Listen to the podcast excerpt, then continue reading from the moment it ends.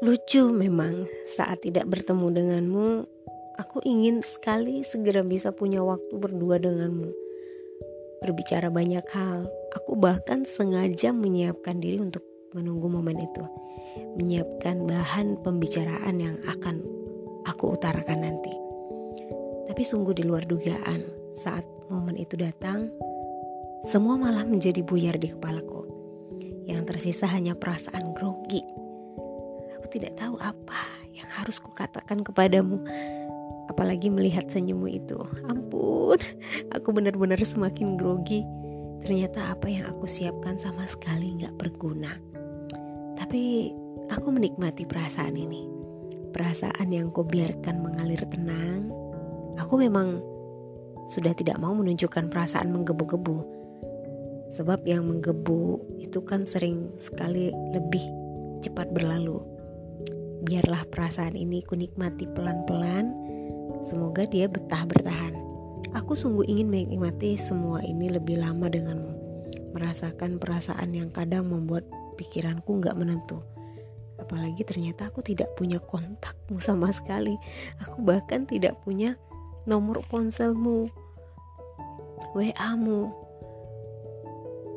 IG-mu. Sama sekali tidak aku hanya bisa berkomunikasi denganmu di Facebook. Tapi itulah yang membuat semua ini tuh menjadi manis. Justru dengan lebih sedikit berkomunikasi saat awal rasa suka ini membuat rinduku lebih tumbuh. Aku selalu menunggu momen bertemu denganmu, juga momen chatting di Facebook.